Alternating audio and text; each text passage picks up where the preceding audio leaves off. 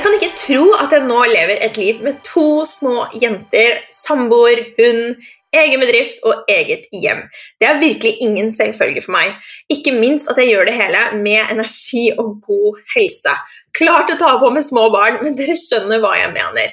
I så mange år så var jeg helt utslitt med ME-diagnose og en mage som ikke tålte noen ting, og huden min så ikke ut. I dag så er jeg frisk, og jeg kan faktisk spise alt. Hvordan snudde jeg det? Jeg la fokus på tarmen min. Og det kan du også. Jeg lover deg, du kommer til å bli hekta når du begynner å lære mer om hva som skjer nedi den fantastiske magen din. Gå inn på leneragnhild.no tarm for ti matvarer tarmbakteriene dine elsker, og hvorfor du skal bry deg om disse små rakkerne i tarmen din. Du kan takke meg senere. Og nå over til episoden. Så lenge jeg kan huske, har jeg elsket alt som har med velvære å gjøre. Små ritualer, hjemmelagde kroppsoljer eller triks for å føle meg bedre. Jeg har lenge brukt lavendelolje og sverget til den, men for fire år siden ble jeg introdusert for mange magiske oljer via min venninne Line. Line, eller Lila Life, som mange kjenner henne som, er helt rå på alt som går under holistisk livsstil og helse. Hun har vært gjest hos meg før, og jeg har også gjestet hennes podkast Et lekent liv med Lila Life. I dag skal vi snakke om eteriske oljer, som er så, så mye mer enn bare godlukt. De kan påvirke følelsene våre, kjemiske reaksjoner i kroppen og brukes til husvask og ca. alt mellom der også. Så jeg gleder meg masse til å lære mer om eteriske oljer, og ikke minst dele det med deg. Velkommen, Line! Å, tusen takk! Så Koselig å ha deg her. Hvordan har du det i dag? Jo, eh, har det både og. Eh, jeg er blitt veldig flink på å være mer ærlig. Det er jo et spørsmål som noen eh, sier man stiller, og så ønsker man egentlig ikke et svar på, men jeg vet jo at du faktisk ønsker et svar. Det gjør jeg. um, om dagen så driver jeg og prøver å legge om rytmen min. Um, så jeg har sovet veldig godt i natt. Jeg la meg tidligere enn jeg bruker, og sto tidligere enn jeg bruker, og det føles egentlig veldig godt. Og så har Jeg begynt, jeg har jo drevet med periodisk faste ganske lenge, men nå har jeg begynt å bryte det og faktisk spise frokost med en gang jeg kjenner en antydning til sult. Av at jeg har lært noe nytt. Eh, og jeg tror at eh, Vi skifter og endrer oss hele tida og vil lære noe nytt. og Det tror jeg er en av nøklene til å, å en god helse og være nysgjerrig. Og det nye jeg har lært, er at mikrobiomet vårt også har en, en døgnrytme. Så hvis vi venter lenge med å spise, så kan det være at vi går glipp av eh, noen av de gode enzymene, og eh, faktisk at mikrobiomet vårt trenger mat litt tidligere. Så jeg driver og tester ut det og ser hvordan kroppen min responderer på det. Så det var veldig spennende. Oh. Like, altså. Jeg er jo oppe grytidlig og må spise. Jeg har alltid vært sånn som er sånn morgenmenneske og må ha frokost, så det er veldig veldig deilig for meg å høre. Det er jo alltid liksom deilig når man hører ting eller forskning og sånn som støtter det du allerede liker. Mm. Mens når man hører ting som går motsatt, så er man sånn uh. Så det er eh, deilig for meg å, å høre. Så du eh, startet kanskje med eh, Hva startet du dagen din med i dag, da? I dag, Det første jeg gjør, og det gjør jeg uansett, det er å minne meg sjøl på tre ting jeg er takknemlig for. Uansett om jeg har sovet dårlig eller godt, eller ja, om jeg har en dårlig dag eller en god dag, så er takknemlighet kjempeviktig. Og også visualisering. Så jeg prøver å visualisere for meg sjøl hvordan dagen skal bli skal bli. Og så hopper jeg på kjøkkenet, lager meg sitronvann, og mens jeg gjør det, så oilpuller jeg. Dvs. Si at jeg har litt kokosfett og bruker enten nellik eller ongard eller frankincense. Så gurgler jeg det i ja, et minutt eller to. Og så ja, så du tar, bare sånn om uh, man er helt tydelig på det, du tar olje og en eterisk olje, mm. og så svisjer du det liksom rundt i munnen. Mm. Hvorfor gjør du det? Eh, det er rett og slett pga. at i løpet av natta så legges altså det legger seg bakterier i munnen og på tunga vår. Og vi har jo, som du er ekspert på, både gode og, og dårlige bakterier. Så eh, jeg skraper også tunga aller først, og så svisjer jeg for å rett og slett eh, få bort det her belegget og de bakteriene som man kanskje ikke ønsker å få ned videre og eh, ja, bli kvitt. da. Og så syns jeg det gir en sånn følelse av velbehag. Eh, og jeg digger jo alt som føles godt. Eh, gidder ikke å gjøre ting som ikke føles godt. Helt enig. Jeg gjorde det faktisk en periode selv, og da var det jeg husker jeg fikk beskjed om tannlegen at liksom bare, tennene dine er skikkelig rene. Så olje kommer jo til overalt. Og det er jo veldig mye som er fettløselig, så det blir ofte sånn det er liksom typisk sånn Hvis du går på Pinterest, så vil du få liksom opp 48 ting da, det liksom kurerer. Eh, og det er jo ikke nødvendigvis sånn, men eh, det er i hvert fall ikke noe eh, negativt. Og som sier veldig liksom velværefølelse. Mm, ja, nei, jeg elsker det. Og så er det prøver jeg nå å kjenne inn på hva trenger jeg hver enkelt dag.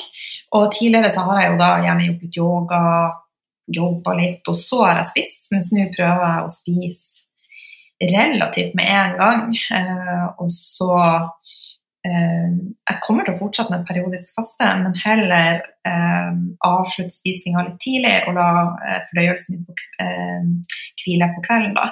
For jeg tror det er mm. lurt å la fordøyelsen få litt hvile, for det er jo en jobb som du vet å fordøye mat. Ja. Mm. Det er kjempebra, og det er jo også den måten jeg anbefaler mine kunder. Hvis ikke de er veldig sånn at de absolutt ikke vil ha mat om morgenen, så kan man liksom følge kroppen. Man skal jo følge kroppen. Men det er spennende, sånn som vi liker jo på en måte å utfordre oss selv, og, og det er spennende for deg å liksom teste nå. Mm. Uh, og døgnrytme er jo noe som også kan veldig endres. Det er jo liksom, det, vi er jo tilpasningsdyktige som mennesker. Og det er litt sånn, Jeg har eh, snakka mye med Børge Fagerli i det siste. Han er veldig flink på det med biorytme og altså det som er den circadian rhythm. For vi har jo flere sykluser. Vi damer har jo også infradian rhythm, som er feminin syklus. Og han sier at eh, vi er jo, det vet jo både jeg og du, at vi er mye av det vi tenker. Og vi kan fortelle oss sjøl at vi er B-mennesker og at vi ikke er frokostspisere. Men en studie som var gjort, som han Børge fortalte meg om, var at når mennesker, altså både A- og B-mennesker, ble sendt ut i skauen i et telt og ikke hadde muligheten til å være A- eller B-mennesker, så tilpassa alle seg og ble A-mennesker. For at vi følger døgnrytmen, vi følger sola når ikke de hadde noen mm. klokke å rette seg etter. Så jeg, jeg tror at eh, innerst inne så er vi alle i Har vi det best vi lever i takt med, med døgnets rytme. Men dessverre så har vi mørketid som fucka det litt opp, da. ja, ikke sant. Uh, og det er jo også sånn uh, Ja, det vil liksom være spennende å se. Og det er jo også kanskje sånn man endrer seg ut fra hvor man er i året. ikke sant? Hva skjer på sommeren versus hva skjer på vinteren. og at ting, Mange kjenner jo på at det er tyngre å stå opp. Men da kan jo lysterapi og sånne ting hjelpe også. Så det er jo veldig mye man kan gjøre. Vi har jo er jo sånne triksdamer. Vi har liksom så mye. Så ja, jeg tenkte på det sånn der med, med, sauna. At vi er jo liksom, det er også sånne ting som uh, eh, syns jeg er jo liksom fantastisk for velvære. Uh, og det er jo noe vi begge liker. Jeg elsker det. Nå kan ikke jeg gjøre det nå siden jeg er gravid, men uh, når jeg er ferdig med det, så jeg tar masse sauna. Det er så deilig. Det er bra å ha noe å glede deg til. Ja, ikke sant? Masse å glede seg til. Men vi skal jo egentlig snakke om eteriske oljer, uh, og du er jo helt rå på det. Og kan veldig, veldig mye. Og det, du er jo den som jeg har lært mest av. Uh, enn jeg føler at jeg fortsatt liksom kan nesten ingenting om det. Uh, så jeg er veldig glad for at du ville komme og dele mer om dette. Så vi kan jo starte med, liksom, helt basic. Hva er egentlig eteriske oljer? Og da skal jeg prøve å forklare det også på en enkel måte. Uh, jeg bruker å si at det er essensen av natur. Eh, for det er jo utvunnet av forskjellige bestanddeler fra naturen, og så går det gjennom forskjellige prosesser, en destillasjon, eh, og de er veldig komprimert, da. Eh, mm. Så eksempelvis en flaske med 5 milliliter rose inneholder ca. 200 000 roseblad. Så det går enorme mengder ja, så det er veldig potent, og det er derfor det virker så kraftfullt. For det, det er rett og slett eh, superpotent. Og så mm. bruker jeg å si at vi er det vi absorberer, og det gjør også eterisk olje så kraftfull for at det kan brukes på flere måter, eh, som vi skal komme tilbake til senere. Mm. Um, men det er rett og slett eh, altså Sitron er laga fra sitronskallet. Eh, så har du eh, peppermynte som er laga fra urten, og da går det òg veldig veldig mye peppermynte til å få ei flaske. Eh, og så, Vi kommer tilbake til det med kvalitet, men her også, har du en ren eterisk olje, så er det en ren essens fra natur. Det er ikke fylt opp med noe annet som er laga i et laboratorium eller eh, andre ting. da. Det er det rett og slett pure nature. Mm. Ja, så det er litt sånn eh, Jeg har jo hørt sånn hvis du på en måte, når du skreller en appelsin den der, De der dråpene, eller liksom nesten sånn fettet, at det er Ikke sant? Ja. Så det er veldig, det er veldig sterkt. Um, det er det. Og veldig, og som du ja, sier der, altså, eterisk olje er fettløselig. Mm. Så de, altså prosessen gjør at, som du sier fra appelsin, at du får ut fettet fra den kilden det kommer ifra. Da. Og Det er derfor det ikke blander seg med vann. Eh, men det trekker veldig godt gjennom huden pga. at vi har fett i huden vår. Mm. Eh, men jeg, jeg, bruker å si at eterisk olje er litt, også litt science fiction. Og noen har jo behov for å skjønne alt, mens jeg er litt mer sånn som går Starter med noe, og så lærer jeg i prosessen, da. Eh, men de kan påvirke på eh, på helt fantastiske måter, rett og slett. Så jeg lar meg ikke stoppe og forundre over alle effektene jeg har av eterisk olje. Så det, det er rett og slett litt power. og så er det jo så interessant det du sier med å liksom forstå alt. Altså det, det, er jo ingenting vi vet alt om. Og når vi begynner å, i hvert fall Det var en av de tingene jeg studerte som jeg ble liksom overrasket over å lære. at det var sånn, vi vet liksom, Det er veldig mange sykdommer da, som vi i dag tar sånn, ta diabetes type 1. Så tenker man sånn Ja, men den er jo sånn Vi vet jo så mye om diabetes type 1. Vi vet ikke hvorfor folk får diabetes type 1. Vi vet ikke hvorfor mange flere i Norge for eksempel, har det enn i andre land. Det er sånn We don't know. Det er så mye vi ikke vet, men som vi da liksom tenker at vi liksom vet alt om. Vi vet så lite om hjernen, vi vet så lite om kroppen. Det er jo bare ti år siden eller sånn, nesten at man begynte å snakke mye mer om liksom, mikrobiomet, og vi vet fortsatt omtrent ingenting ennå. Vi kan så mye om det nå. Så vi lærer jo hele tiden. Så det å liksom vente, da må man jo på en måte vente i mange generasjoner. Mm. Så det jeg er veldig fan for, liksom, så lenge ting er trygt og det oppleves bra for deg, så kan du teste ut ting, da. Mm. Um, og finne ut hva som funker for deg. Mm. Mm. Jeg er veldig veldig enig, Helene. Og jeg tenker at med nysgjerrighet og ydmykhet så kommer vi langt. Og jo mer jeg lærer, jo mer jeg skjønner at jeg ikke kan. Eh, ja, og det er jo klassisk. så Hvordan oppdaget du selv disse oljene? Når var liksom starten? Har du noe sånn minne av første liksom, oljen du testet og sånne ting? Hmm, det var i 2017. Men jeg har bare lyst til å, å fortelle litt om forhistorien. For at jeg tror jo at det er sånn at når du først starter ei helsereise, så åpner du ei Pandoras eske. Og så videre sånn, tar du ett skritt, og så videre åpner det seg et nytt lokk.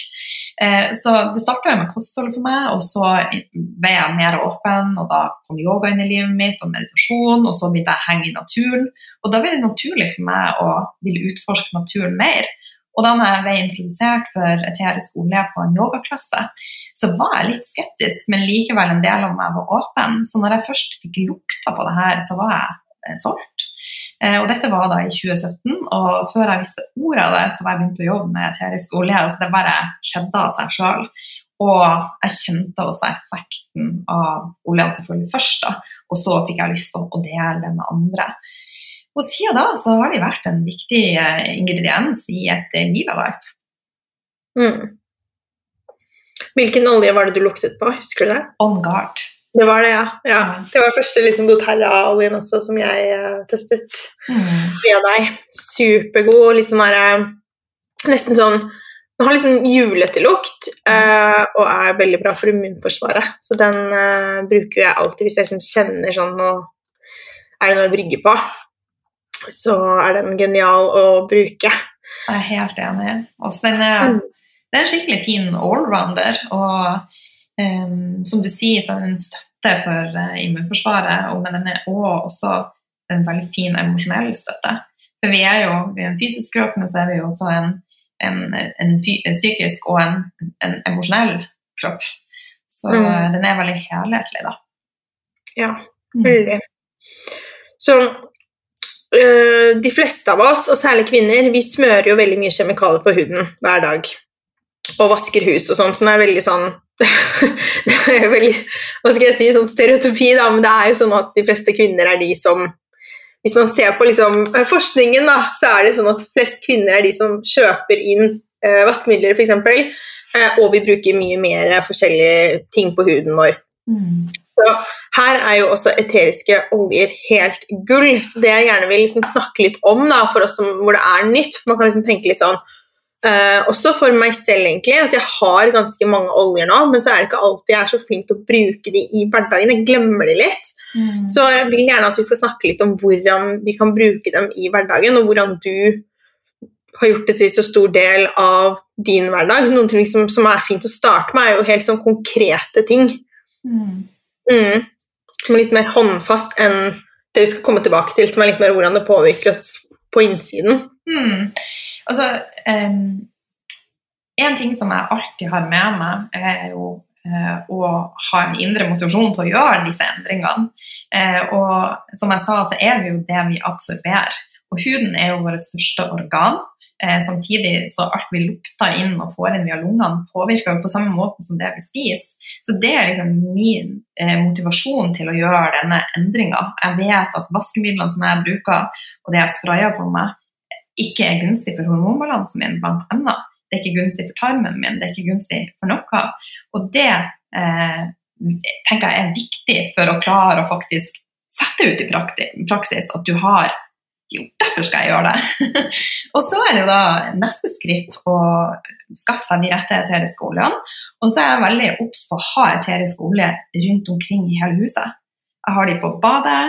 Eh, sånn så Ei eterisk olje bruker jeg i toalettet for å få en bedre lukt, men også samtidig eh, rengjør det. Så Purify eller Wild Orange eller sitron står alltid på badet. Eh, og på kjøkkenet så har jeg også eh, sånn som On Guard, de tingene som jeg bruker i det daglige, står på kjøkkenet. Og de som jeg bruker i diffuseren, har hatt med diffuseren.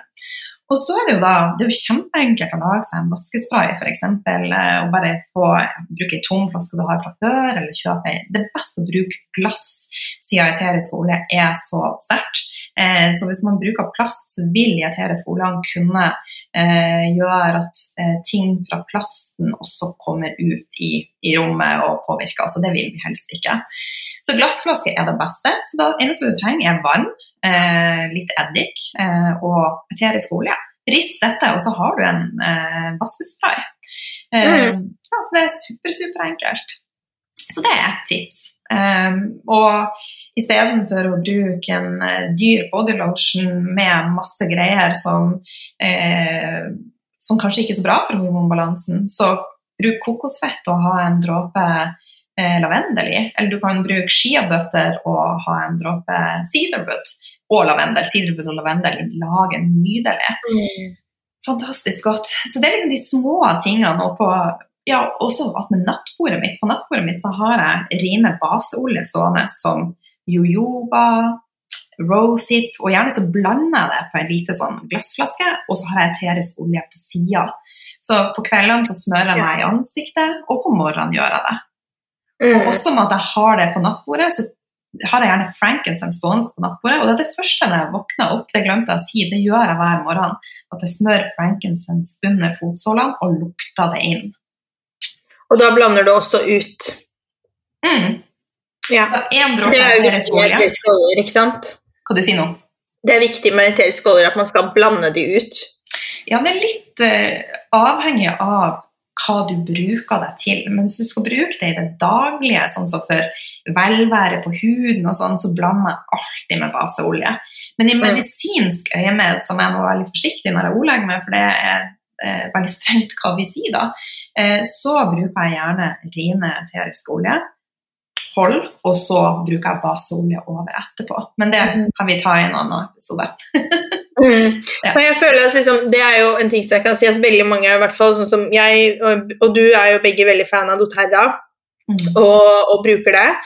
Og, og jeg, eh, når det gjelder sånne firmaer hvor man har direkte salg, så er det veldig viktig at du finner en person som kan veldig mye. Uh, og det er også en, en, sånn ting som er litt skummelt med å være knyttet til et sånn type firma, er at det er så mange som alle kan på en måte selge disse oljene. men vær obs på at den du går til, er personen som kan det de snakker om. Mm. Eh, og også vær liksom bevisst hvis det kommer veldig mye helsepåstander, fordi det er ikke lov. Så en ting er liksom hva vi har opplevd, og det er det samme med egentlig alt, da, liksom kosttilskudd og sånne ting også, så kan man liksom ha helt fantastiske resultater, men hvis det er sånn at dette kurerer alt, og liksom det spiser ut sånne ting, så kanskje liksom noen varsellamper skal gå, da. Mm. Ja. Så jeg anbefaler selvfølgelig veldig veldig å gå til deg, og det er jo deg jeg sender Åh. alle kundene mine til, fordi jeg selv kan ikke så mye om oljer, egentlig. Men, jeg- men jeg syns det er viktig å å bare si som en liten sånn, ikke disclaimer, men bare info. Mm. For det som du sier, jeg husker jeg tok lavendel, og så liksom klappet på huden her, Mm. Uh, og den var ikke blandet, og da, altså, det skjedde bare ikke noe farlig, liksom, men jeg bare begynte å svi veldig, da, så jeg fikk liksom bare litt sånn utslett. Så det, det er bare liksom, det er ganske potente ting, så det er veldig lurt å, å være obs på å blande, og da kan du også få gode råd um, når du investerer i oljer, så kan du få gode råd på hva som kan være gode baseoljer og sånne ting, for det kan også være forskjellig, sånn som du sier, i ansiktet, for forskjellige typer hudkvaliteter og sånne ting. Mm. Så det er eh, Det finnes i hvert fall så utrolig mye man kan bruke til. Eh, Den første tingen jeg begynte å bruke lavendelolje til, var å ha det oppi eh, en stor sånn pumpeflaske som du kan kjøpe for på Claes Olsson og sånn, med bare en økologisk olivenolje. Og så har jeg den stående i dusjen. Og når jeg da er ferdig å dusje og fortsatt liksom ikke har tørket meg, så smører jeg hele kroppen bare med eh, den oljen, og så klapper jeg bare liksom den inn med et håndkle. Og det syns jeg er så deilig. Eh, og særlig sånn som småbarnsmamma, at man slipper den der smøringen etter dusj. At du slipper å liksom tørke deg, og så er det sånn at som jeg står med body lotion, liksom. Pluss at det er veldig mye ting i disse kremene. Mm. Så, og den, det er jo så billig òg. Altså, det er jo virkelig sånn du, Den oljen varer jo dritlenge. Mm. Eh, så, og økologisk olivenolje får du på optikken. Så det er vært liksom, den har jeg brukt i sikkert 15 år. Og det er bare så gull. Men nå har jeg begynt å bruke litt andre blandinger. Da. Ikke bare lavendel, for da kan du jo ha noe som er mer sånn oppfriskende hvis du dusjer på kvelden. Um, du kan ha også liksom olje bare sånn i dusjen. Hvis du bare liksom drypper litt sånn på gulvet, så kommer det liksom opp når du dusjer. Superdeilig. Eukalyptus i dusjen, det Ja, er det er den jeg har. nydelig. Bra følelse. Ja. Eh, og så har jeg fått tips også om å ha noen dråper hvis du har støvsuger som har pose. Putte noen liksom i posen, så vil det liksom For det blåses et eller annet sånn ut og suges inn et eller annet. da. Så det er mye sånne ting du kan gjøre. Ha noen dråper I i vaskemaskinen. I vaskemaskinen. Altså, det er liksom så mange sånne små ting som, som gir deg denne liksom duftlysaktige eh, ja, følelsen, da, uten Kjemikalier. Mm. Så det er liksom både den effekten at du fjerner veldig mye av disse kjemikaliene som vi ikke vil ha, og så er det masse positive effekter også som du får. Så det, det er kjempespennende. Så hva er flere ting? Vi har nå snakket om smøre. Smøre under føttene vet jeg du gjør. Mm. Det sa Ja. du du lagt ut i stad, så gjorde jeg det også. Ja, ja, det gjør jeg flere ganger om dagen. Nå har jeg Copaiba stående her, og den smører jeg jevnt og trutt. Og spesielt hvis jeg føler meg rolig, så bruker jeg gjerne Copaiba eller Balance eller Frankincense. da. Så det jeg tenker at eterisk olje egentlig kan brukes eh, på det meste i, eh, i livet. Og det kan brukes, som vi har snakka om, til å både rengjøre alle overflater og til gulvvask. Det kan brukes også hvis du har sure, svette klær, eh, så, sånn som f.eks. joggesko som er litt sånn svett og ekkel. Ha en Mm. dråpe Purify og ta opp eh, sålene og la de stå litt tørt og, og litt luftig, så vil du få bort mye av den ekle lukta. Eh, mannesko. ja. Og også sånn type syntetiske klær som kanskje er vanskelig å få bort svettlukt. Ha en dråpe Purify og la de bare ligge og trekke litt før du vasker. Mm. Og så bruker jeg også sånn type tørkeballer i tørketrommelen eh, med eterisk olje, bare for å få også en bedre lukt. Og så har de jo også rensende egenskaper som vil være positive. Mm. Mm. Men vil du dele litt om noen av dine liksom, favorittoljer? Sånn hvorfor du liker akkurat de? For du nevner jo frankincense. Det er jo liksom Hva, hva er frankincense?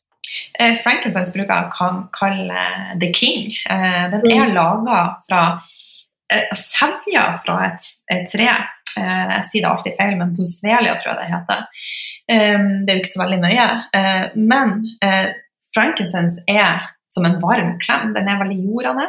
Og i dagens samfunn så er jo veldig mange on the go. Vi er i det som heter fight or flight-modus. Så det er en veldig fin olje til å få oss tilbake i nuet. Og bare ha den i veska, og når du sitter på trikken f.eks., ta den opp og pust inn fire, hold fire, pust ut åtte. Så har du gitt altså, nervesystemet ditt en, en gave. Eh, mm. så den er jeg veldig, veldig glad i. Og den er, den er sånn superfin for huden også, og den har eh, altså den støtter cellefornyelsen i kroppen vår. Da. Så den er eh, en sånn allrounder som er super-ok. Eh, men der må du være veldig obs også på kvalitet, eh, som vi kommer tilbake til senere. For det finnes veldig mye forskjellige kvaliteter ute på markedet. Og det er jo Når vi snakker om å bruke olje innvortes, så må det være helt rent. Det er kjempe, kjempeviktig. Ja. Ellers, ja. ja. Det, det, er så mange etter i skole jeg er glad i, men frankincense er liksom kanskje en av de som uh, jeg bare elsker. Jeg elsker den. ja, I love it. Men du er også sånn uh, på Copaiba, det er jo en litt spesiell olje. Mm. Uh, vil du dele litt om den? Ja, altså det som kanskje Det er ganske nytt vi er Så den er også jordende, og den er veldig fin for huden, og den er veldig fin for å støtte oss ut av hvis man kjenner på mye angst og uro. Um, og det tror jeg er noe vi alle på en eller annen tidspunkt i livet opplever. Uh, og nå i, i den tida vi lever nå, så er det veldig mye frykt. Uh, og det er fin olje for å, å støtte akkurat det. Også som en liten varm klem, altså. det skal jeg huske. Uh, jeg tenker at det å snakke om CBD og det sånn begynner å bli ganske legit. Det er liksom ikke så I starten var man sånn her Men nå er jo det veldig ja, vanlig for veldig mange å snakke om. Ja, og nå er det sånn at uh, Copaiba er 100 eh, tilgjengelig og lovlig i Norge, da. Så det er, ja, ja. virkestoffene og sånn er godkjent av Mattilsynet, og så det er ei veldig legitim olje å bruke. Men det fungerer på det samme systemet som CBD-olje, ikke sant? Ja. Mm uten å ha de sentralstimulerende effektene. Da. Mm. Så jeg vil si at den er veldig mye mer kraftfull og um, tilgjengelig. Ja, mm. Bedre alternativ. Mm. Ja. Så en av de andre tingene som, uh, som, jeg selv har brukt mye jeg må si sånn, Ikke så mye som jeg selv skulle ønske. Jeg, min Jonna han er ikke så glad i disse luktene. Jeg tror han er veldig sensitiv. Uh, sånn at hvis jeg liksom tar opp i bilen eller bruker sånn diffuser, så er han bare sånn bare, så han ødelegger litt for meg.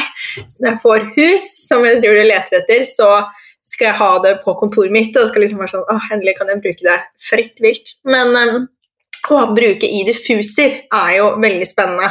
Og også en ganske mild måte å bruke oljer, er det ikke det? Mm, det er det. Og samtidig som det er mildt, så er det veldig kraftfullt. Eh, for at det påvirker innemiljøet vårt veldig positivt.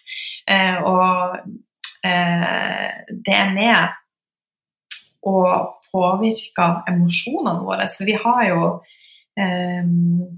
vi har en hjerne, det vet alle. Men i den limbiske delen av hjernen vår så, så lagrer vi jo følelser, både gode og onde. Så med å bruke diffuseren også, så kan du være med og løfte eh, energien i rommet. Og alt er jo energi. Eh, mm. så, eh, så, det er en veldig fin måte å, å regulere sinnsstemning, humør og også følelser. Samtidig som vi får et eh, rent og, og, godt inneklima. Mm. Mm. Det er veldig, veldig fint. Og det er jo også eh, fint hvis man har barn, så kan man bruke f.eks. Ongard. Bare liksom et par dråper Ongard, og så ha det eh, i forkjølelsessesongen, som har vært liksom heftig nesten, som vi har vært ferdig med nå. Så, eh, så, har jeg brukt det litt. Um, og det er også veldig sånn mild måte, da. Mm. Um, men du, du, nevnte jo dette her med det limbiske systemet. Og dette med at de eteriske oljene påvirker Mm. følelsene våre. Uh, og dette pleier jeg å sammenligne litt med sånn hvis du lukter på en gammel parfyme som du brukte for eksempel når du hadde en tidligere kjæreste, eller sånn, så kan man få sånn Oi, det var liksom den sommeren, eller noen ganger har jeg fått det hvis jeg har gått forbi en mann på gata som bruker liksom parfymen til eksen min. Så kan jeg få liksom Oi, det var eh, den lukten, liksom. Eh, og veldig sånn, Du må ikke bruke samme. Du må ikke liksom kjøpe parfyme til eh, en ny kjæreste som da lukter som den gamle. Men det er jo eh, noe som jeg tror mange kan kjenne seg igjen i. da, At lukt kan være veldig sånn trigger for gamle minner og følelser. Mm. Eh, og det her er jo et eller annet med hvordan hjernen vår er konstruert, er det ikke det? Jo, jo, jo. Det er jo eh, også sånn som eh, eh, Den bevisste hjernen vår utgjør jo ca. 5 av virkeligheten. Så har du 95 kommer fra underbevisstheten, og den limbiske delen er en del av underbevisstheten vår. Og eh, enten vi vil det eller ei, så lagrer vi ting eh, Altså, vi har lagra fra vi nesten ble født i denne delen her. Og ting som er vanskelig, som vi ikke vil prosessere, vi lagrer her. I den limbiske delen av hjernen vår. Eh, og um, jeg bruker å si at uh, if you want to heal it, you have to feel it. Så dieteriske oljene er jo også et veldig fint verktøy til å få opp ting og få ut stagnasjon. Igjen få ut energi som ikke er eh, benefit, beneficial i systemet vårt. Hva er det norske ordet? Beneficial? Hensiktsmessig ja, i, det norske, eh, i systemet vårt. Men igjen, dette er jo kanskje litt vanskelig å forstå, men det er eh, Hvis vi går tilbake til de eteriske oljene, så inneholder alle oljer forskjellig kjemi. Og det er flyktige molekyler som når vi åpner korka, så begynner de å, å suse utover. Og vi har jo masse celler i systemet vårt, og vi har reseptorer på cellene våre. Så de eteriske oljene de, de flyr nesten litt sånn opp reseptorene og sånn Prøve å forklare det på en menneskelig måte. Ja, ja. Og, og via luktesansene da, så, så går det til den limbiske delen av hjernen. Så det er jo mange som hadde en opplevelse når jeg var i USA, eh, hvor vi ble presentert for en ny eterisk olje som heter Adaptive. Og eh, samtlige begynte å skrike når de lukta på den. Den bare trigga et eller annet i dem. Det var helt eh, spesielt å, å oppleve. da. Eh, og eksempel, Hvis du har et dårlig minne knytta til lavendel, kanskje du hadde ei bestemor som lukta lavendel, og så var ikke hun spesielt snill, da vil den lavendelen kunne trigge deg mye. Men igjen, det er bra at man får det opp, at vi får løst det. Mm. Mm. Ja. ja. spennende. Så går liksom bare rett opp i I fletta. rett i fletta. Men hvorfor er det så viktig å, å, ha så god kvalitet på disse oljene? Hva er liksom litt sånn feller man kan gå i? Mm. Det er jo litt det samme som eh, maten vi spiser, produkter som vi bruker. Vi ønsker jo å, å tilføre altså det reneste mulige materialet inn i systemet vårt. Og eterisk olje, også siden det er så potent, så tenker jeg at det er enda viktigere. Eh, og her finnes det mye, mye skvip, eller ræl, om jeg får, får, si det sånn. da. Eh, men så finnes det også eh, altså Jeg er glad i doTERRA, men jeg, har, jeg fikk nettopp nå ei eterisk olje hos Trine, venninna mi, Trine Berge, som hun hadde bestilt fra Australia for en annen ren leverandør, og den var helt magisk. Så, men det handler om å finne da de gode, pure, altså rene forhandlerne av eterisk olje. Eh, og det som jeg liker med doTERRA, er at det står en, en kode under hver flaske, så man kan gå inn på en side som heter Source to you, og ta ut en PDF-rapport og se hva er det faktisk i denne flaska. For Vi ønsker ikke å smøre eller drikke eller lukte inn, inn gift eller fyllstoffer. Så her henger jo gjerne pris og kvalitet sammen, og det eh, liker jeg med doTERRA, at de er jo tatt av renhet i alle ledd. De som lager disse skolene, at de er lønna på en god måte. Og også at det ikke skal puttes noe i det her, og at også naturressursene eh, ivaretas på en god måte. Eh, det er veldig veldig viktig for meg. da. Så frankincense er jo en kostbar eterisk olje. Eh, men det er rett og slett pga. at råvaren koster det. Det koster det om lønn de som lager denne i Somalia. Eh, mm. Så hvis du finner frankincense til 100 kroner, så er den ikke ren. Ikke til 200 heller. Nei. Nei, det er liksom som alt annet, så er det mye sånn greenwashing og mm. Eh, og når ting blir populært, så, så lager folk billige versjoner av det og vil bare tjene mest mulig penger, og det er jo helt supert å tjene penger på ting, men det er um, så er ikke sånn at det er noe negativt i seg selv, det er mer det at det skal gjøres på en etisk måte. Mm. Uh, og ikke minst at man passer på at man får i seg uh, ting som er bra. For jeg tenker når du først liksom velger et skåler, så har du obviously lyst til å passe på mer hva du får inn i kroppen din, og da er det jo veldig lurt å gå for det som du er helt trygg på at det er mm. bra kvalitet. Um, I forhold til det her med å bruke oljer innvortes, mm.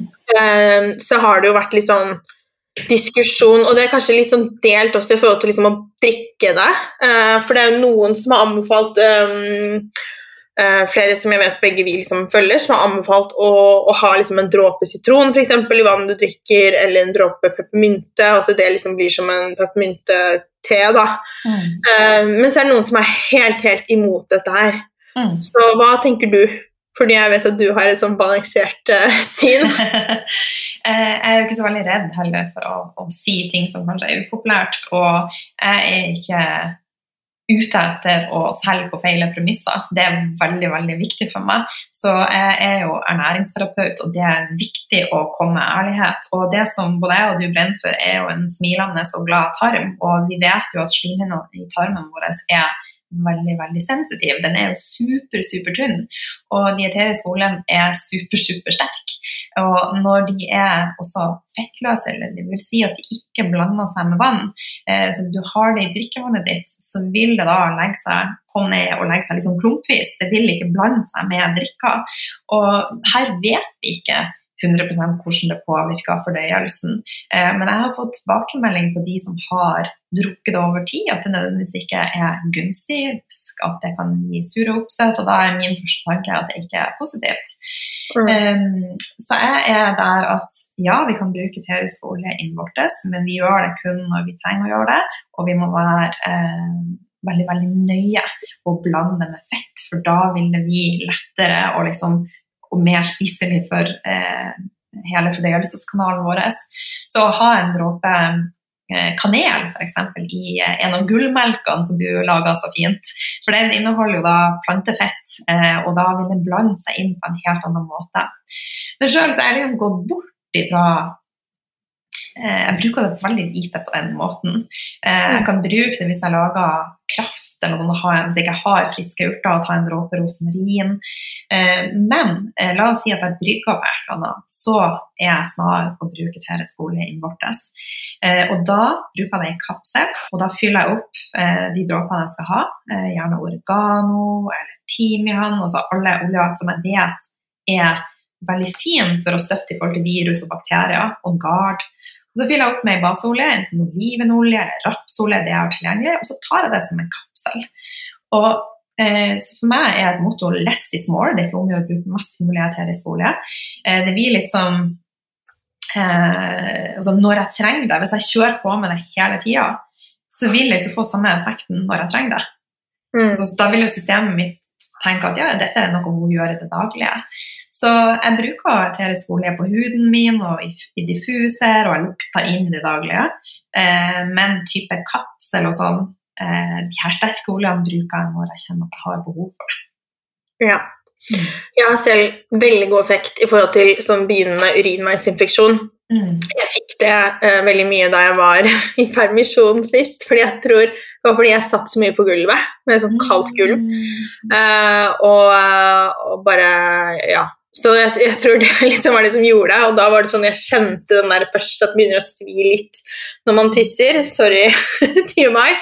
Så var jeg liksom veldig, veldig kjapp da, på å ta liksom hestekur. Jeg husker ikke helt hvilke oljer, men jeg, det var i hvert fall oregano, for den er jo kjempefin i forhold til det her med, uh, med bakterier og virus og sånn. Um, og on guard. Um, og så brukte det i kapsel, og det får du jo også med når du kjøper sånn startkit. Så det er veldig greit. Du får jo liksom diffuser, og du får alt sammen, sånn at du måtte få testet de forskjellige tingene. Mm. Uh, så det syns jeg fungerte veldig, veldig bra. Uh, sammen med å bare drikke masse. Så, så har jeg liksom avverget flere ganger, faktisk. Måtte ta noe mer medisiner da, for det. Bra å høre. Mm. De er veldig, veldig kraft praktfull. Og de har jo altså Før vi hadde medisiner, så var det jo eterisk olje som ble brukt da. Og eh, masse av medisiner er jo eh, laga med å se på kjemien på eterisk olje. Um, så kan vi bruke det i det daglige som støtte, så tenker jeg at det er jo et veldig mye mer naturlig alternativ. Uh, men så er jeg også veldig åpen for at noen ganger så er medisin også helt nødvendig, og veldig veldig takknemlig for at vi har tilgang på, på medisiner i dag. Uh, men jeg velger alltid det naturlige først, om jeg kan. Selvfølgelig. Um, første gangen jeg fikk det, det var, For det kom liksom flere ganger, da. Da skjønte jeg jo ikke helt uh, at det var det som, som kom. Uh, og da gikk det jo sånn til nyrene. At det, man kjenner at det begynner å banke mm. i nyrene. Og da var jo legen sånn jeg bare, Må jeg på antibiotika? Han bare sånn Ja, eller vil du bli lagt inn, liksom? bare om tre dager, da. Jeg var sånn Nei, ok, liksom. Så noen ganger så må man bare. Men, uh, men igjen, alltid hvis det går an å teste um, det naturlige først, da. Jeg er ofte mm. det det ene utelukker aldri det andre. Det er jeg liksom opptatt av også. Mange er jo liksom, Hvis de går på medisin, så er det sånn at da noe vits å liksom tenke mat. og det er sånn, Enten så spytter du deg frisk, ikke sant? media og sånn elsker jo når ting er svart-hvitt. Mens vi er, nei, vi er jo ikke der i det hele tatt. Nei, det er alltid nyanser imellom. Også med eterisk olje så tror jeg det handler også om å komme seg tidlig i gang, istedenfor å, å sette i gang med det når allerede det er kommet for langt, da, når du har fått en infeksjon. Så med en gang man kjenner altså, Jeg bruker mye eterisk olje også for å støtte um, forhold til hodepiner. Så la oss si at jeg kjenner en murring, så jeg snar og lager meg en kapsel da, med lavendel og f.eks. frankincense. Eller ta med Vi har også noen kapsler som er Serenity Softgels, de er også veldig fine på mm. det. Eh, men det, handler om å være litt i forkant og lytte til kroppen, og det tror jeg vi er litt dårlige til. Og eh, vi havner litt på etterskudd, så der må vi øve. Ja, det må man. Og så er det jo liksom vanesak også, ikke sant? hva man strekker seg etter. Om det er en Paracet eller om det er uh, lavendelolje. Det er jo det er jo liksom forskjellig hva man er vant til. Da handler det om å bryte mønster. ja, sant. Lære nye ting. Har du noen oljer som du bruker spesifikt? Hvis du tenker sånn, Enten om det skulle være en um, roller, det har vi ikke snakket så mye om. Det er jo også veldig sånn, som vi snakket om i stad, med å blande ut, så kan man jo kjøpe sånne uh, rollers. Jeg vet ikke om det er et bra norsk ord for det. Men det er en sånn liten flaske som har en liten sånn, uh, runding oppå toppen, da, en liten ball. Sånn at du kan på en måte rulle det på huden. Um, den ruller. Den ruller. Okay, ja. det var ikke mer komplisert enn det. Men uh, jeg har jo helt Jeg kuttet jo parfyme helt. Jeg ble mamma. For da Og igjen, liksom, det er ikke meningen å være sånn Noen ganger når jeg hører på sånn her dameprat på podcaster, så kan jeg bli litt sånn her Oh my god, det er så liksom veldig sånn perfeksjon, og man skal ikke bruke noe. Uh, jeg bruker ikke bare sånn økosminke og økohudpleie og alt sånn. Uh, så jeg er veldig lite sånn perfekt, men jeg fikk veldig sånn der når jeg skulle Jeg hadde jo Lykke på meg hele tiden da hun var liten, mm. og veldig mye sånn Hun lå alltid liksom med hodet på en måte oppi der hvor jeg før spraya meg med parfyme. Uh, så den parfymen jeg liksom hadde, den ble bare ikke brukt, for det føltes veldig unaturlig at hun skulle ligge oppå det. Mm. Jeg ville at hun skulle lukte min lukt. Uh, og så etter det så har jeg bare aldri kjøpt en parfyme igjen. Uh, veldig veldig glad i en blanding som du uh, har funnet på, mener jeg i hvert fall. Ja, jeg har funnet på det! Juhu! ja, lila, lila Love. Lila Love, Det er veldig, veldig sånn god blanding av noen forskjellige, både noen blandingsoljer fra doTERRA og sånn. Veldig, veldig god. og da lager jeg meg en roller så det er jo også en måte å bruke disse oljene mm, det er ganske magisk. Mm. Og de er kjempefine å ha i vesken. Um, og jeg har pakket med meg til og med nå i fødebagen. Skal spørre deg litt om det når du tipser etterpå. Men, uh, men, det er også veldig veldig fint. Men hvis du skal si liksom en olje, f.eks. hvis man er litt tung en dag da, og vil liksom løfte humøret, mm. hva slags olje ville du da valgt? Eh, altså Hvis du har muligheten til å, å lukte på en ren til skole og bruke en roller, så tar jeg en av hver. da. Så vil jeg kanskje ha vært det å lukte på vill appelsin, for den er veldig oppløftende. Og så har du Terra en ruller, eller roller, som heter Share, som er veldig veldig fin, og også Weight. Altså, begge er konstruert for å være liksom en sånn gasspedal til ræva vår. og de er super, superfine. Eh, men sjøl er jeg veldig veldig glad i eh, alle blomsterrullerne. Eh, Bl.a. Neroli og eh, Magnolia. Eh, jeg er ikke så superglad i sånn ferdigblanda, men det er mange som elsker de og har god effekt av både Motivate og Share. Men mine eh, favoritter er uten tvil eh, eh, Magnolia og Neroli. Da. Og de får meg i godt humør. Og alle blomster og sitrusoljer er veldig fine for å, å, balansere både hormoner og signalsubstanser. Så eh, ikke bare lukter de godt, de eh, tilfører oss natur, og de er med å balansere kroppen. Ja, Deilig. Så nå har vi liksom Vi vasker med sitrus, peppermynte, kanskje. Ja. Eukalyptus kan man bruke. Så da har du liksom den, det er hjemmet ditt. Så har vi disse diffuserne, der kan du også bruke alt mulig og blande f.eks. noen dråper villappelsin. Um, jeg syns i hvert fall det sammen med On Guard er veldig godt. Sånn, det er liksom julete lukt, men likevel syns jeg den er veldig god, og den tolereres ganske godt av de rundt. Hvis du går liksom rett på mye mer sånn derre oljer som lukter litt mer spesielt, så, så, kan det bli litt sånn Oi, her er det litt sånn uh, alternativ yogastudio-stemning med en gang. Uh, men der også er det jo så mange gode blandinger man kan bruke. Og så kan vi bruke dem i kapsel, både altså liksom, for å på en måte støtte når kroppen trenger litt ekstra. Uh, men en annen ting som jeg er liksom fascinert av, som jeg vet at du gjør mye, er jo dette med hudpleie. Mm. at du bruker er liksom, hva, hva, hva er triksene dine der? Eh, triksene mine er å ha det for det første tilgjengelig både på badet og soverommet. Eh, sånn at jeg, har, eh, jeg bruker å rense ansiktet på badet, og så går jeg og setter meg i senga. og der har jeg På sida av eh, senga så har jeg sånn fint gullbrett hvor jeg har baseoljene og eteriske olje. Og så bruker jeg en sånn gua-gua, det heter gua-gua, sånn stein. Ja, sånn guasha. Guasha. Sånn, sånn, ja, sånn en, en sånn um, bergkrystall, på en måte. Ja. Og det bruker jeg både morgen og kveld helt forsiktig. Og så tar jeg da litt baseolje i, i handa mi, og jeg har laga meg en ferdig blanding med jojoba og nypefrøolje. Um, og ei til som jeg ikke husker. Um, I hvert fall eterisk olje som er fin, nei, ikke eterisk baseolje som er fin for uh, ansiktet. Og da har jeg ikke eterisk olje i denne blandinga, for jeg liker å ha fersk eterisk olje. Så kan jeg velge hva jeg mm. ønsker den dagen. Så tar jeg én dråpe eterisk olje, og så har jeg i ansiktet. Og det er jo annet, altså det er Yarrow Poom og Salubell, en blanding som doTERRA har, eh, begge for hud, og de er også helt magiske. Og så er det veldig fint å ta en type sånn tørrbørsting på huden. Det bruker jeg også å gjøre i senga ja. av og til. Eh, og da bruker jeg også å smøre meg etterpå med, med baseolje og eterisk olje. da. Og da er jo ja. grapefrukt veldig fin.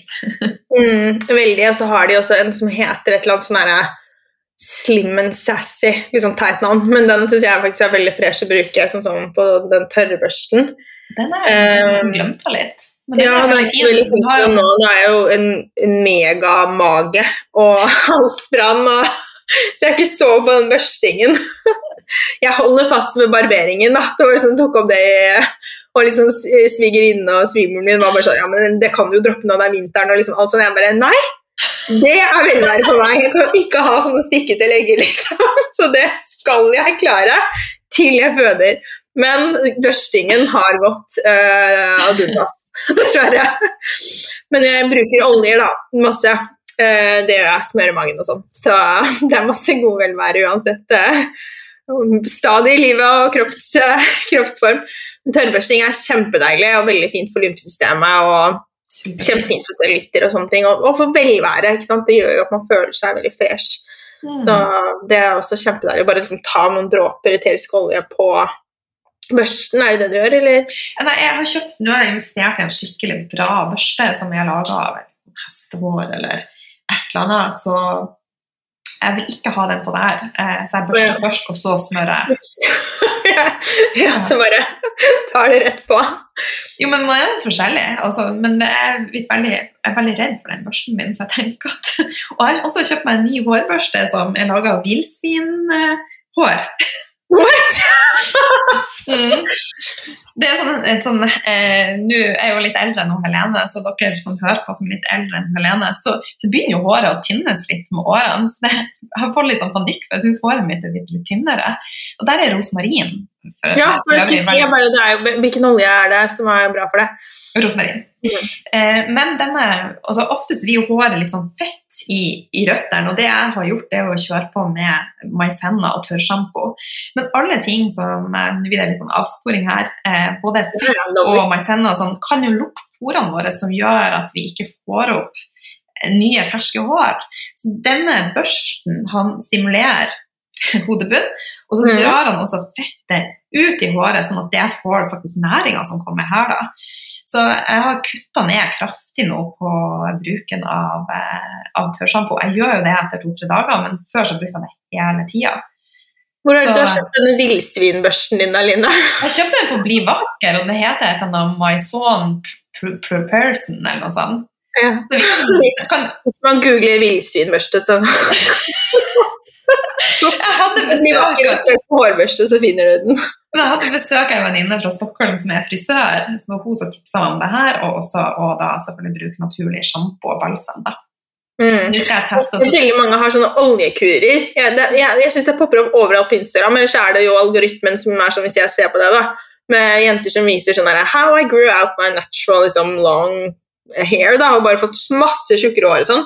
Og da sier de ofte oljemasker, eh, og det brukte jeg veldig mye før. Sånn dagen før du skal dusje, så tar jeg liksom olje i håret, og da kan du sikkert bruke f.eks. Um, rosmarin, da. Ja. Og så masserer liksom i hodebunnen, og så utover f.eks. arganolje er jo veldig sånn hårolje. Og så vasker du den ut, da, og det skal være, for det vil jo stimulere det å liksom virkelig få massert, da, sånn som frisøren gjør. Så, men alle sånne ting er jo så deilig. Veldig. Fikk jeg lyst til å dra til eh, frisøren og bli massert. Ja. Det jeg vet at jeg kommer til å få eh, spørsmål om det her i forhold til eh, gravide og ammende. Og nå er jeg ikke, forventer jeg ikke at du skal liksom ramse opp hvilke oljer som er yay or nay. Og det er også ve veldig forskjellig, for jeg har prøvd å liksom google det litt selv nå som, som jeg er gravid. Eh, men har du noen som liksom, du tenker med en gang som er gode å bruke hvis man, eh, i forhold til den perioden? Jeg skal lov å si at ikke Akkurat dette har jeg et uh, ganske langt innlegg på i min gruppe. Og det er Jeg lurer på om det er uh, eller ingefær som, uh, som stimulerer produksjon av brystmelk. Men det er, det er ganske komplisert. Ikke komplisert, men det er en liste over forskjellige ting som, som man skal bruke. da. Og det tenker jeg heller at jeg kan finne ut av det. eh, og Du så- har veiledning på det, kanskje. Når man liksom, for det er jo liksom, når du eh, kjøper oljer, så får du jo ofte med liksom, at du kan spørre om Mm. bruken av det, eh, og bli liksom, i hvert fall dytta i riktig retning og sånn. Så, så det, det som er- Det som er viktig, det er jo at man får for det første veiledning i bruk, og at man ikke bruker eterisk olje rett på brystvorter, for vi ønsker jo ikke at barnet skal få dette rett inn i svelget sitt. Så Mm. bruk det et stykke unna brystvorter hvis det er noe. Og hvis du f.eks. har såre brystvorter eller infeksjoner, og sånn, så pass på å bruke da, de eteriske oljene eh, en god stund før barnet skal da am, og smør på baseolje også i etterkant. da. Mm. Eh, og så er det flere oljer som og da, jeg lurer på noe som er Clary Sage, som er, for den er veldig hormonbalanserende, så at den også kan være med og, og stimulere. Eh, men alt i alt så handler det jo om eh, å, å roe ned og ikke stresse så mye. Eh, for det tror jeg kan sette ned produksjonen av både det ene og det andre. Jeg vet ikke om du er enig der? Eh, Jo, jo, jo. Det er jo det absolutt viktigste. Altså, oksytocin, som er det mm, kjærlighetshormonet vårt, da, er jo det som stimulerer både rier og eh, produksjon av eh, Utdrivningen av melk. Det er prolaktin som gjør at vi lager brystmelk, og så er det jo oksytocin som trekker det ut. Og kroppen er jo altså jeg føler at Når du går gravid, så får du virkelig liksom oppleve hvor magisk kroppen din er. altså Hvor mye sånne ting som bare skjer av seg selv. eh, og ting som i hvert fall for de aller aller fleste da, så fungerer jo ting veldig på en måte bare Ting bare skjer. Eh, Jeg husker for meg som tok prøverør sist, så var det veldig sånn Å, jeg blir ikke gravid, ikke sant? kroppen min funker ikke. Men så bang, jeg ble gravid, og det egget satt, så var det plutselig sånn Da bare skjønte kroppen hva den skulle gjøre, og jeg fikk jo også en sånn ristart hormonelt etterpå. Mm. Så når du har født eh, babyen, og du ammer, så får du jo utskillelse av oksytocin, og da har den også effekten at den faktisk eh, strammer, akkurat som en rir, så strammer den livmoren, for da skal den trekke seg sammen. Så da husker jeg kjente at det var sånn, melken kom ut, og så bare kom liksom magen inn. Det er, er helt magisk. Og det som stimulerer det, som da liksom vil være på en måte alt som også skaper at du får melken ut, og at det også stimulerer til mer produksjon av melk, da, er jo alt som gjør at du slapper av og føler deg bra. Så det vil også, eh, som jeg tenkte å bruke da, i forhold til nå liksom fødsel og sånne ting, er å bruke Kanskje lage meg en god blanding, enten om det er en roller eller om det er en spray. Eh, og så bruke den nå eh, når jeg bruker disse meditasjonene i forhold til fødsel, sånn at du kan knytte For det er jo veldig sånn mental trening. Hvis du knytter det sammen ikke sant? At liksom, Når jeg er i denne situasjonen, så skal jeg det skal se sånn ut i mitt hode. liksom Visualisere det, bruke enten hypnose eller avspenning, men også da bruke de luktene. For da vil du jo kunne bruke lukten og komme lettere inn i den situasjonen du vil ha.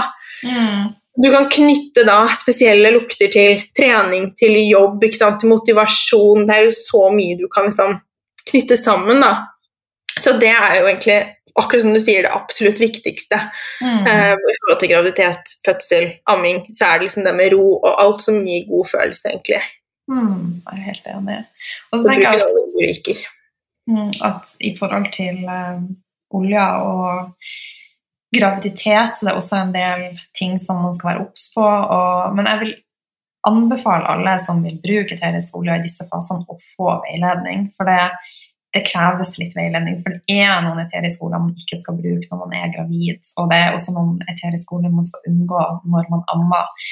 Og som jeg sa, eh, Clary Sage eh, kan faktisk sette ned produksjonen av eh, melk. da. Altså det motsatte. Så, og Clary Sage er jo også eh, ei olje som eh, jeg bruker sjøl mye for hormonbalansen, men den skal man være litt forsiktig med også eh, i eh, deler av graviditeten igjen, for at eh, for den kan faktisk være med å sette i gang fødsel.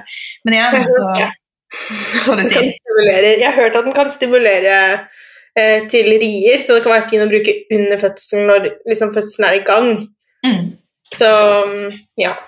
Altså tenk du som nå begynner vi fødeklar, kan Ja. bruke den. Mm. Jeg bare sverer sånn «Ah!» hele tiden og bare Get out! Men uh, ja, det, var, det hadde vært deilig det, hvis det bare var sånn. Bare, nå er jeg klar. Passer. ja. Så både Clary Sage og Clary Calm kan du nå fint begynne å bruke. Mm. Ja. Men ikke bruk det de første månedene. Sånn. Så finn noen som kan veile deg godt, og hvor du kommer i en gruppe hvor du finner altså, safe kjøreregler, sånn at eh, du ikke gjør noe som ikke er lurt for deg og babyen din. Ja, det er alltid lurt å være forsiktig. Og så, og så husk at liksom, det er jo ikke så, sånne typer råd vi kommer med nå, det er jo liksom del erfaringer og Ja. Mm. mm. Ja. Men vi er nå i hvert fall enige om at det er magisk. Ja, jeg, jeg elsker det, og, og jeg må si at det, det er viktig også liksom følge noen sånn som Jeg blir veldig glad når du deler at du bruker oljene, for du tenkte kanskje sånn Oh my god, det har jeg delt mange ganger før, ikke sant? det blir kjedelig, men jeg blir sånn Å ja, sant, liksom. Så for alle oss som, som, eh, som følger deg på, både pga. ting og oljer, så det liksom da blir det sånn ekstra påminner. da, liksom, Ja, sant, det, det kan jeg bruke. og det er veldig Det er en sånn fin, ekstra sånn holistisk velvære helseaspekt som også liksom er helt på siden av både mat og trening og liksom Vi er jo begge veldig veldig opptatt av å tenke helhetlig, så man skal ikke føle at liksom er sånn, enda en ting jeg må gjøre. Det er liksom bare en sånn derre Enten så har du oppdaget det og bare elsker deg, eller så er du bare liksom ikke helt med på den reisen ennå, da, tenker jeg. Mm. Ja. Og en ting som jeg elsker de i skolen, for, at eh, sånn som jeg snakket om i starten, det her Pandoras eske, den har liksom åpna en ny dør for meg. Så den åpna en dør til det indre, vil jeg si. Sånn at jeg har, etter jeg begynte med eteriske skolen, så har jeg også hatt en veldig sånn spirituell oppvåkning og skjønner at det med energi at jeg kan ikke ta på alt jeg faktisk eh, Altså, det er, så, det er så mye. Eh, så det, og det å bruke oljene til den emosjonelle delen av meg også er, er veldig spennende. Veldig. Mm. Veldig. Så hvis man nå bare tenker sånn du som lytter, at det, det her må jeg teste. Jeg må liksom ha oljene i livet mitt. Mm. Hva, hvor skal man starte? Da vil jeg jo starte med å finne en som resonnerer til deg, eh, hvis du ønsker å starte med doTERRA, eh, som du føler deg trygg på, og som du føler gir deg de gode rådene. Og eh, eh jeg er her, eh, men det er jo ikke sånn at eh, alle liker alle, så velg noen som du trives med. Og hvis du har et annet brand som, som du er trygg på, start med det. Men igjen, sørg for at du får god og trygg veiledning. Um, og også finn noen som er motivert og inspirert, at det ikke er et blaff. ja. Mm. Ja. ja. det tenker jeg også. Uh, og det er jo derfor jeg liksom er tydelig på at um, jeg anbefaler nå liksom å gå til deg, fordi du kan det her, og det er liksom ditt felt så mye mer enn en mitt.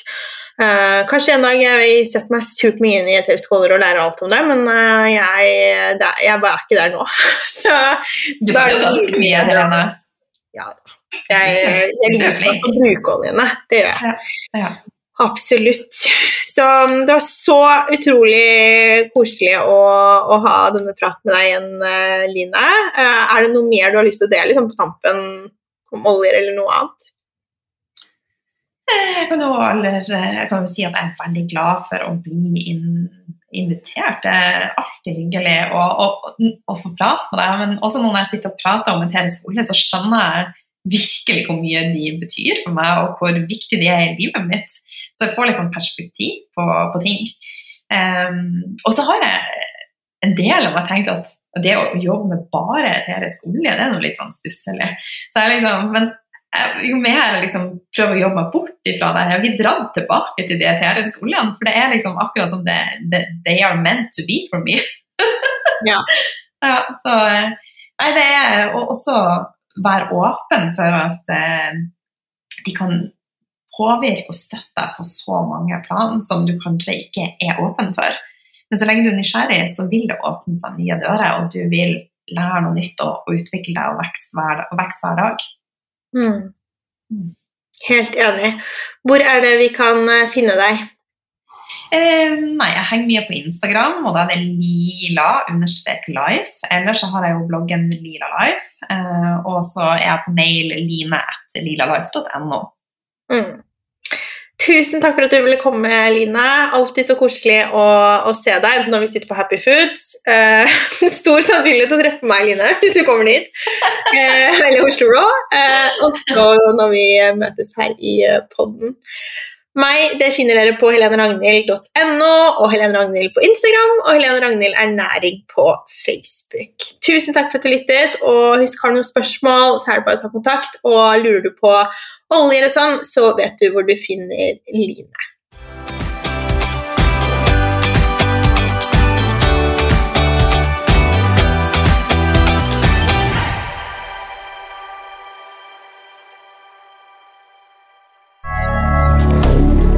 Moderne media.